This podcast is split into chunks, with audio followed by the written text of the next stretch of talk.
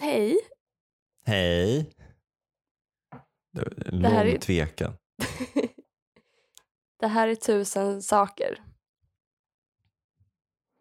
En det här är podd tusen s- sakers om kompis. tusen saker. Gud vad är det som händer? Så jävla 125 out of sync. Ja, Aldrig varit så out of touch med varandra.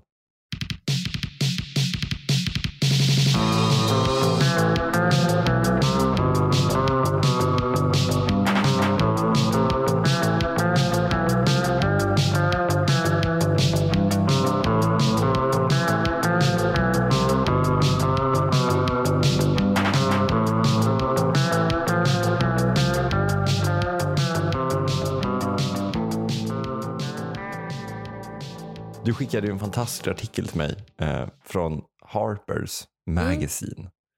Som jag fortfarande inte har tagit mig till slutet av. Att den är ju som en fucking bok. jag vet. Den var väldigt lång. Men visst var den den, är rolig? väldigt, väldigt rolig. Ja. Sen visste inte jag, alltså Har- Harper's Bazaar, är det någonting annat? Det, är- eh, En det är Harper's en Magazine? tidning? För de skojar i texten om folk som blandar ihop Harper's Magazine och Harper's Bazaar. Och jag Jaha. bara, Oj då. är, är det inte samma sak? Nej. Så det, så, Aha. Det är säkert en annan tidning. jag vet inte, jag satt och läste den där häftiga, häftiga texten och bara, vad häftig jag är. Sen så kom de och bara, haha, folk som inte ser skillnaden på Harper's Magazine och Harper's Bazaar. Ja. Och jag bara, Sluta läs nu om du är en av dem. nej. Nej. Ja, det här är ingen Hur är läget-podd, så vi rullar väl igång, eller? Ja. Eller hade, du en, ehm, hade du ett svar angående Harpers-frågan? Ja, det är ett modemagasin. Alltså Harper's Bazaar. Harper's Bazaar. Harper's Magazine är då ett kulturmagasin. Ja, litteratur, konst, politik, kultur och finans. Och finans. Nice. Det är kanske motsvarande då som ett... Alltså det är så SVT Perfect Guide. De här aktierna kan du investera i. Fast för intellectuals. Men det skulle, vara, det skulle liksom vara jättebra om de är SvD Perfect Guide. För det är typ det enda jag tänker när jag läser SvD Perfect Guide. Som är någonting som jag oftast hatläser då. Mm. Eh, Eftersom jag hatar Stockholm. Så Mm. jag vill inte... Jag, vill inte jag sitter ändå i och för sig och skriver upp vissa fik. Jag bara, det här låter mysigt. Men jag vill aldrig gå dit. ja, Men om jag skulle göra det, så skulle jag definitivt gå till det här fiket. just det. Men när jag tänker då att det borde finnas en sån här varningstext bredvid många av dem där det stod som Mm. varning, konsumtionslån kan allvarligt skada din hälsa. Alltså liksom, men som en Ja. sån rökning, liksom så här, det här är betalat med lån. Ja, men överhuvudtaget det skulle kunna vara så här konsumtion, skadar din hälsa, alienera dig från andra människor, bidrar till Jordens undergång. förslavning av människan. Är vi beredda för punkter? Är ni beredda för punkter? Vilken tur, för det är det vi serverar. Pass på. Pass på, här kommer en. Ho! Karate chop. Ehm, punkt 217.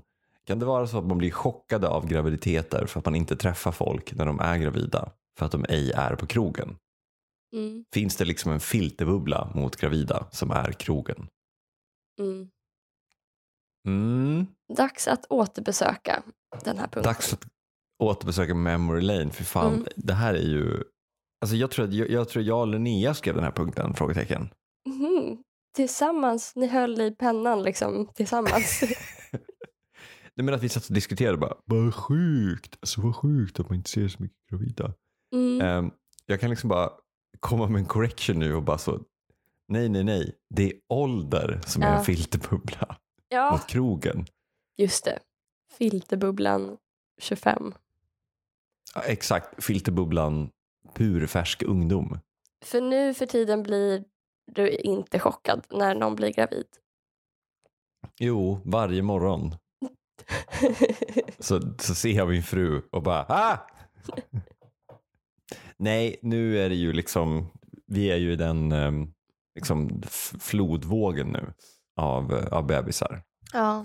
Alla kvinnor runt oss har antingen precis fyllt eller ska fylla 30. Liksom. Mm. Och då, då bara rasslar det till och trillar ut bebisar till höger och vänster. Det börjar störta ut, ja. Rinna ut bebisar Rinner ur ut deras bebisar. kön. Får jag fråga en annan sak apropå den här punkten? Mm. Eh, kan man, är det fel att säga s- vi är gravida? Eller att jag säger till dig, du är ju gravid Kim. Ja, Är det gulligt eller är det problematiskt?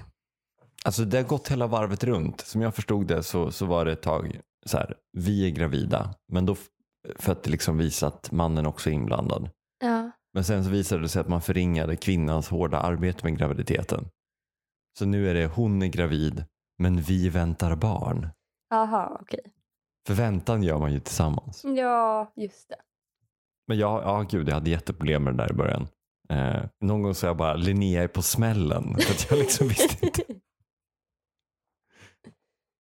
Ja, det måste vara lite jobbigt att det inte... För, för liksom, det påverkar ju... Det påverkar ditt liv nästan lika mycket. Men Ja, men jag skulle säga att det påverkar mitt liv eh, lika mycket. Men det påverkar ju inte min kropp. nej, just det. Alltså det påverkar, så här, det påverkar inte min dag lika mycket som det Nej. påverkar Linneas.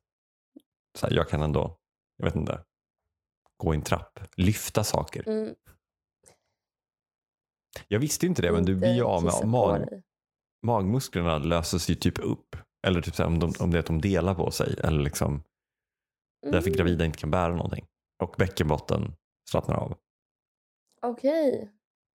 Det är liksom inte bara så att gravida inte ska bära någonting. Det var så att gravida har liksom, De gravida kan, inte bära. Nej, men, nej men det går liksom inte. Nähä. gravida kan knappt ta sig upp från liggande läge. För det finns liksom, men det finns inga mag... Tänk dig att du inte får använda magmusklerna. Liksom. Ja, i och för sig är det väldigt... Eh, det är inte långt ifrån mitt nuvarande liv. Men okej, okej, vad speciellt. Det är verkligen konstigt hur värdelösa både människor är när de är gravida.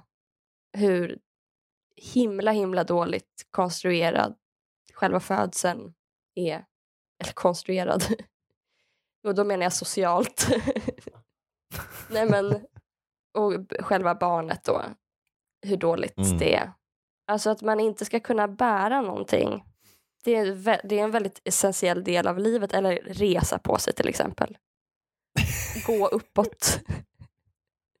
Det är ändå viktiga skulle jag säga funktioner. Ja men det, det är... Mm. Men också den fantastiska kvinnokroppen. Wow, vad den kan. Tack. Nej, men jag fick reda på vår barnmorska att, att eh, när eh, bebis ammar då skickar dess saliv information via bröstvårtan upp till hjärnan. Och liksom, typ, det är en bebis i den här åldern, den behöver det här. Liksom. Va? Vadå? Så att den Så pratar då, liksom, med... då, då kommunicerar den vilken typ av mjölk som ska tillverkas. Alltså det är ju inte när exakt när den ammar som när mjölken blir till utan ju mer en, samma bebis liksom ammar av en person desto mer beställningar skickas det och liksom information. Alltså lite som att du besöker en sajt och får cookies. Att den liksom personifierar upplevelsen efter dig. Information samlas in om användandet. Men det är också det, alltså så här, om du eh, var en amma, säger vi, förr i världen. Mm. Eh, det är därför barnet som du ammade inte, ammade inte dog. För att det barnet, när det ammade av dig, sa nog hej, jag är i den här åldern så att jag behöver den här mjölken. Liksom, med sin saliv. Helt otroligt. För du, får, du behöver ju olika typer av mjölk i olika åldrar. Liksom. Ja. Den nyfödda bebisens mage är som, en, ett, som ett körsbär. Så liten är magsäcken. Nej, Så den, den kan liksom få i sig typ en fingerborg. nej men. nej men den här, ehm, den här punkten är ändå en materiell förklaring till, du föreslår ju ändå en förklaring till att du blir förvånad när du träffar gravida. Alltså att, till att jag blev förvånad. Att i den Blev. tidiga 20-årsåldern. Precis, men det tycker jag ändå... det är i alla fall en ganska bra gissning som ändå utgår från något. Det utgår inte från att så här, du lever, du har inte exponerats för idén om graviditet Mm. utan det, det, det söker, du söker liksom en förklaring i så här, okej, vad är det som, eh, vilka, vilka materiella faktorer, historisk, historisk materiella faktorer påverkar eh, den här bubblan. Vilken del av det ekonomiska systemet är det som kan påverka? Ja.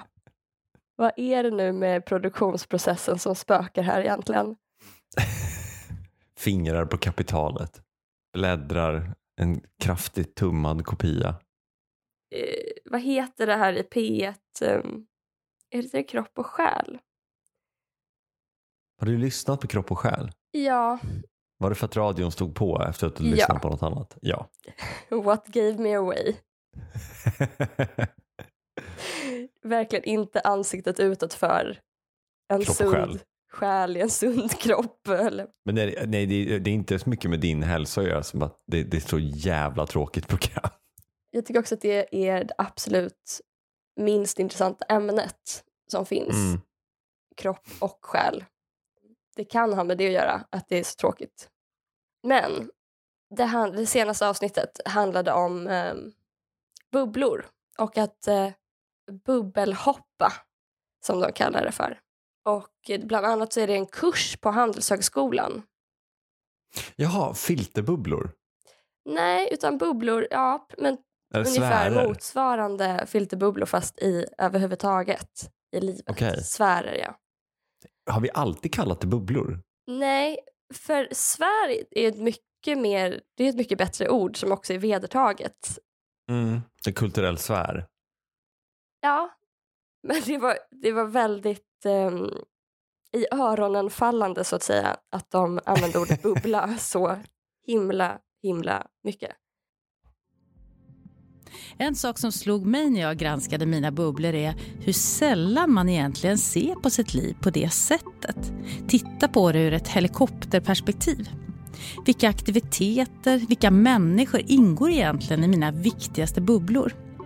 Hur ska man se på det här med tiden? Är det de personer som jag lägger mest tid på, som jag pratar mest med, som är de viktigaste? Hur många bubblor kan man egentligen tillhöra? Och när tillkom en ny bubbla senast? När jag testat det här med vänner så har jag upptäckt bubblor i deras liv som jag aldrig ens hört talas om. Vissa har nära mellan bubblorna medan andra tycks leva i många parallella bubblor som aldrig möts. En annan tanke som dyker upp när man tittar på sina bubblor är insikten om att bubblorna också stänger ute något. Det är tryggt i bubblan men risken finns ju att det blir en smula instängt. Människor med andra åsikter, erfarenheter och bakgrunder kanske inte hamnar i min bubbla av sig självt. I dagens Kropp och själ ska vi fundera över vad vi som människor och samhälle kan vinna på att då och då kliva utanför våra egna bubblor och möta människor med tankar, åsikter och erfarenheter som skiljer sig från våra egna. Modet att byta bubbla och förstå sin meningsmotståndare har vi kallat dagens program. Välkommen! Jag heter Ulrika Hjalmarsson Neideman. Eh, det var en text eh, för några dagar sedan av Andre Walden också som handlade om högerhjärnan och vänsterhjärnan. Eh, och att det, ungefär det finns två sorters människor. Höger och vänster. Eh, och vad är då skillnaden mellan högermänniskor och vänstermänniskor?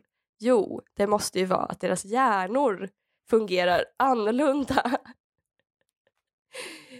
Eh, och det, först så finns det så förstås en amerikansk teori som han återger som eh, innebär att högerväljare ser världen som farligare än vänsterväljare. Och den här teorin har då ifrågasatts av en annan teori som också är psykologisk och amerikansk. Och då så säger de att vi upptäckte att den huvudsakliga skillnaden mellan vänster och höger är tron på att världen är hierarkisk till sin natur. För, för högerhjärnan då så kan klyftan mellan rik och fattig reflektera en meningsfull skillnad i arbetsmoral, talang eller samhällsvärde medan vänsterhjärnan tenderar att se en nästan slumpmässig orättvisa. Jeremy Clifton hoppas att denna upptäckt ska hjälpa oss att se världen med varandras ögon och mjuka upp låsningarna i det polariserade samtalet. Du kanske kan gissa vad det är jag vill säga redan nu? Jag har skrivit det jättestort på mitt papper flera gånger. Ja, var, berätta. Kan du hålla upp Klass? Frågetecken. klass? Nej, men det är alltid så. Tusen sätt att säga klass utan att säga klass. ja, Det är liksom, för de kommer, alltså ekonomerna kommer att erkänna stjärntecken innan de erkänner klass. Ja. De bara, ja, sparar du som en stenbock? Spännande. bara, Nej, jag är pank. Jag är jätte, Ja. jättefattig. Bara, mm, så oxigt av dig. Nej men, det, jag tror att det mest utmärkande draget för högerhjärnan är att den liksom sitter inuti kanske en,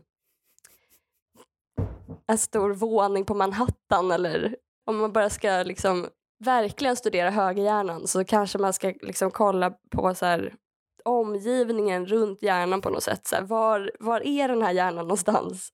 Och jag tror att man kan se vissa mönster där liksom att den är på mm, Wall Street hela tiden. Men man kanske kan ta som en ny form av hjärnröntgen. Alltså jag såg att det har kommit en ny form av hjärnröntgen där man kan gå liksom mycket närmare in i hjärnan. Alltså ta, zooma in, ta mer detaljerade Ja. bilder. Men du menar alltså att man skulle kunna göra som en hjärnröntgen av höger eller vänster hjärna fast man backar? Alltså man zoomar ut. Exakt. Man zoomar ut typ en kilometer från hjärnan Ja, och tittar på så byggnad. plånboken som ligger bredvid hjärnan. Man kanske kan se in i garderoben. Mm, mm. Om det skulle finnas något sätt att liksom se kanske kontouppgifter, deklaration. Känns svårt att göra på en röntgenbild. Men Ja, vi kan nog komma dit. AI kan nog lösa det där. ja. Så man börjar, kameran är liksom börjar från hjärnan och sen så vrider den sig på något sätt och liksom med så här um, fish eye perspektiv kanske eh, tar en bild av rummet. Men det är också väldigt, eh, för de som medverkar i det här kropp och själ-programmet då är bland annat en professor tror jag på Handelshögskolan som har just en kurs i bubbelhoppande. och då lär Handelshögskolans elever sig SvD, per, SvD Perfect Guide. Sen går jag till mitt jobb. En kurs i bubbelhoppande på Handels. Det känns som satir. Det är så här socialantropologi fast på Handels. Att så här, nu ska vi, nu ska Handelsstudenter gå ut och titta på vanliga människor Mm. och kanske eh, lyssna på vad de har att säga i, i sju och en halv högskolepoäng. Bubbelhoppande. Och jag tycker också det är väldigt talande tycker jag att det är Handelshögskolan som är intresserade av att bubbelhoppa för att jag, tro, jag upplever själv inte att det är ett problem i mitt liv att jag inte förstår andra människor till exempel. Att jag Mm. inte har någon kontakt med, alltså att jag fattar nada Mm. av andras eh, argument eller liksom upplevelse. Tvärtom så tycker jag nästan alltid att man kan förstå alla, typ. nästan en förutsättning för att vara vänster är ju att man just delar intressen på något sätt med majoritetssamhället. Alltså att, eller det är någon slags grundantagande att så här, alla behöver ungefär samma saker. Majoriteten är liksom, har ungefär samma livsvillkor. Även globalt, arbetarklassen, även om man såklart, det finns nyansskillnader, men man är ändå i någorlunda liknande situation. Men det är väl som den där klassiska bilden. Jag tror du, eh, Daniel Suon. Heter han, du behöver säga, heter han David Suonen? Äh, ja, Daniel. Daniel Suonen. Ja. Nej, men eh, som han brukar visa upp, det är väl en klassisk bild. Den där, alltså man först ser inkomstfördelningen mellan liksom underklass, liksom Mm. arbetarklass, medelklass, överklass. Alltså, och den är så, åh, vad, vilket jävla skillnader det är mellan oss. Liksom. Och så lägger han på det där top one Ja, procent. Och det liksom är så här, jaha okej vi är liksom bara, vi märks, alltså vi, det är ingen skillnad mellan liksom mig och de i Kobo. De i liksom 10 miljoners villor. Så här, vi, vi har mycket, mycket mer gemensamt än mm. the one percent.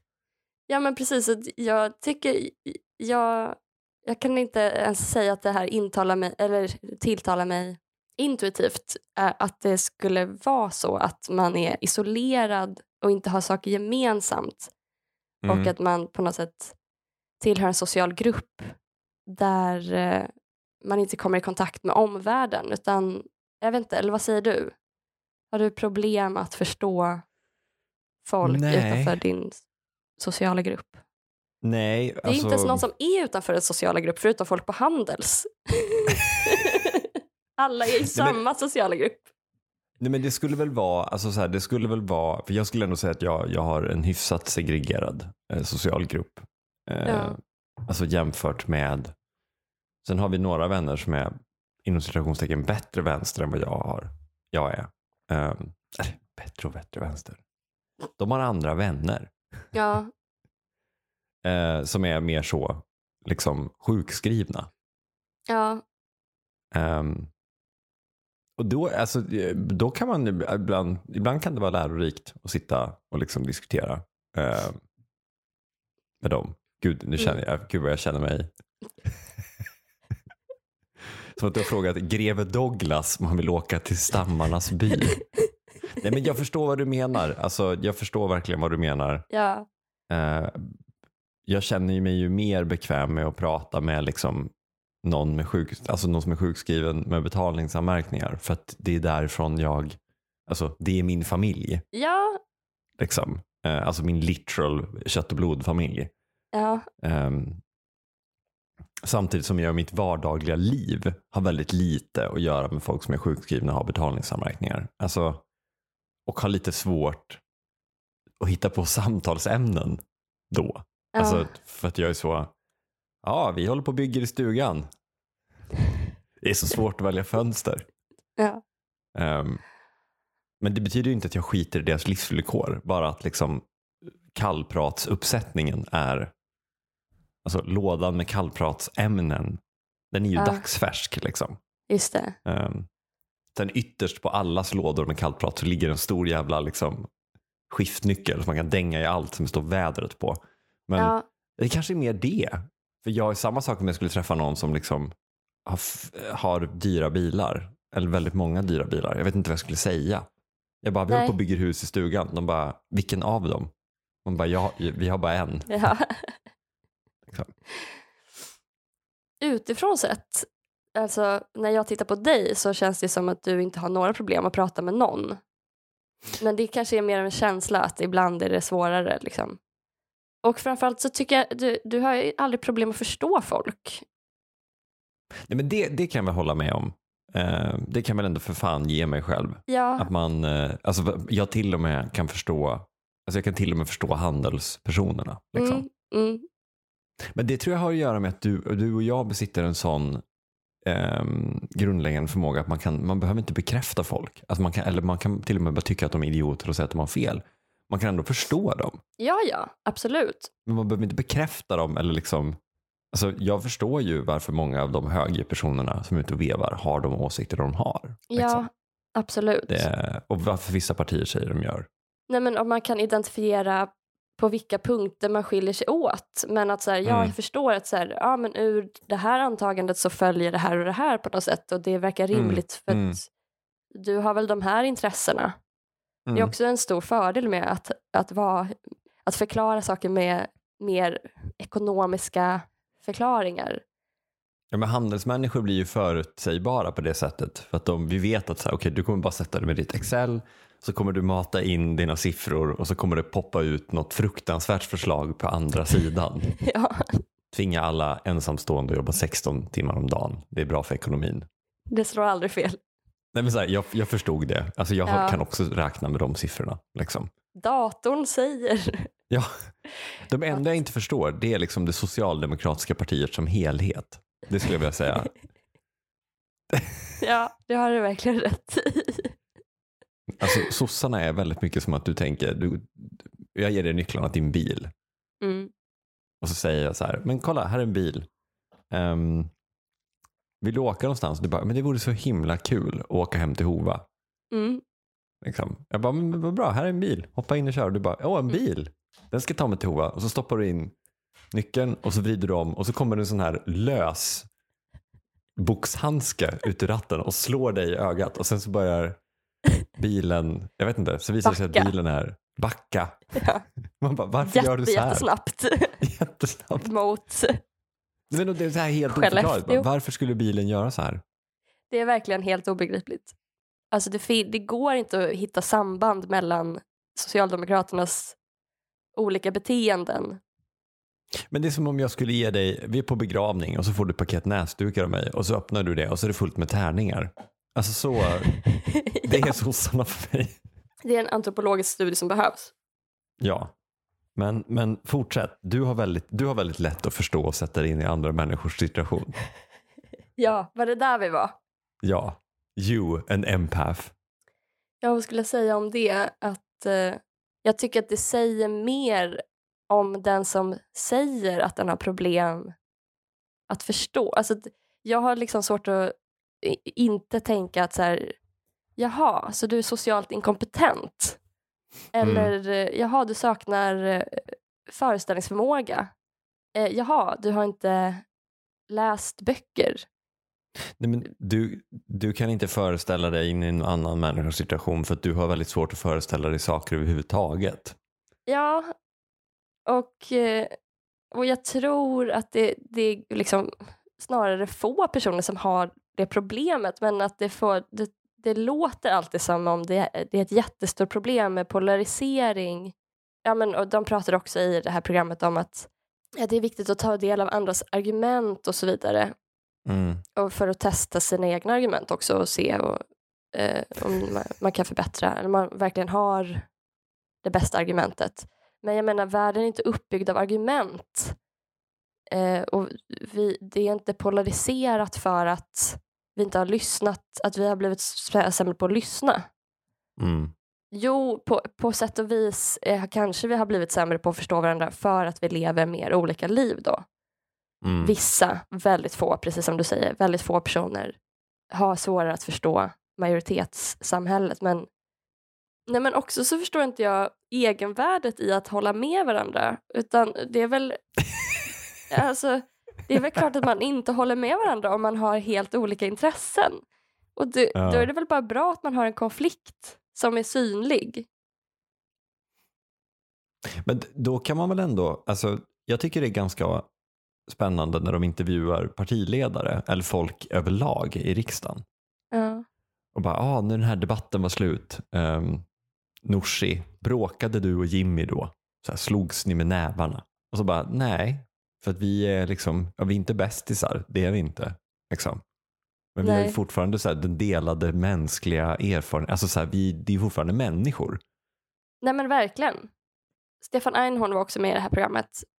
Eh, och han sa att hans dröm var att efter en politisk debatt så skulle någon av deltagarna säga Vet du vad, nu har jag lyssnat på dina argument. Jag tar verkligen till mig dem. Jag, jag har bytt åsikt nu. När, nu när jag lyssnar på dig så ändrar jag mig. Du Mm. har övertygat mig. Men för det första så, så tycker jag att det, det är redan så. alltså jag menar, det finns inte, jag tycker att det finns för, för lite polarisering höll jag på att säga, men för lite tydliga, alla låter likadana ungefär. Mm. Alla kommer med ungefär samma politiska förslag. Och för det andra så, det är inte så att man byter åsikt för att man lyssnar på någons goda argument. Utan du byter åsikt, nu har jag sagt det här så många gånger att jag själv tappar intresset. men, men ens argument kommer ju från en hel ideologi som den är liksom logiskt sammanhängande Mm. för att beskriva en situation, en livssituation som de människor som partiet representerar befinner sig i. Mm. Och det är anledningen till att man argumenterar på det ena eller andra sättet. Eh, Det är inte så, må bästa argument vinna, som om det fanns ett objektivt bra politiskt förslag där Mm. man kan argumentera sig till den bästa politiken som flest människor håller med om. Eller det är liksom en helt absurd idé tycker jag. Men vad besvikna, alltså också så här, vad besvikna. Tänk dig så, du, du bor i hyresrätt, det ska bli marknadshyror. Du bara, fan jag vill inte ha det, jag går med i Vänsterpartiet. Och så ser du Nooshi så, nej till, vänster, till marknadshyror. Eh, och sen så är det liksom Agendas partiledardebatt. Och så hör Nooshi ett jättebra argument för marknadshyror. Så hon bara, vet du vad? Nu har jag bytt åsikt. Nu är jag för marknadshyror. Gud vad obehagligt. Helt oförutsägbart vad man lyssnar på. De sitter där i partiet och bara, jaha, vad ska jag göra nu? Nej men och så, alltså, som sagt, det är ju redan så för mycket att så här, istället Mm. för att representera, eh, prata med sina partimedlemmar och mejsla fram en, eh, ett politiskt eller politiska förslag där ens medlemmars intressen eh, speglas så är det ju att politiker pratar med varann får man känslan av och utformar politik på en helt världsfrånvänd idénivå Men kan vi inte bara ha, bedriva politiken göra bra? Tack för den här veckan, Kim Eklöf. Tack för den här veckan Ellen Theander. Vi kommer ut på tisdagar klockan sex på morgonen. Lagom till morgonlöprundan. Hej då! Hej då!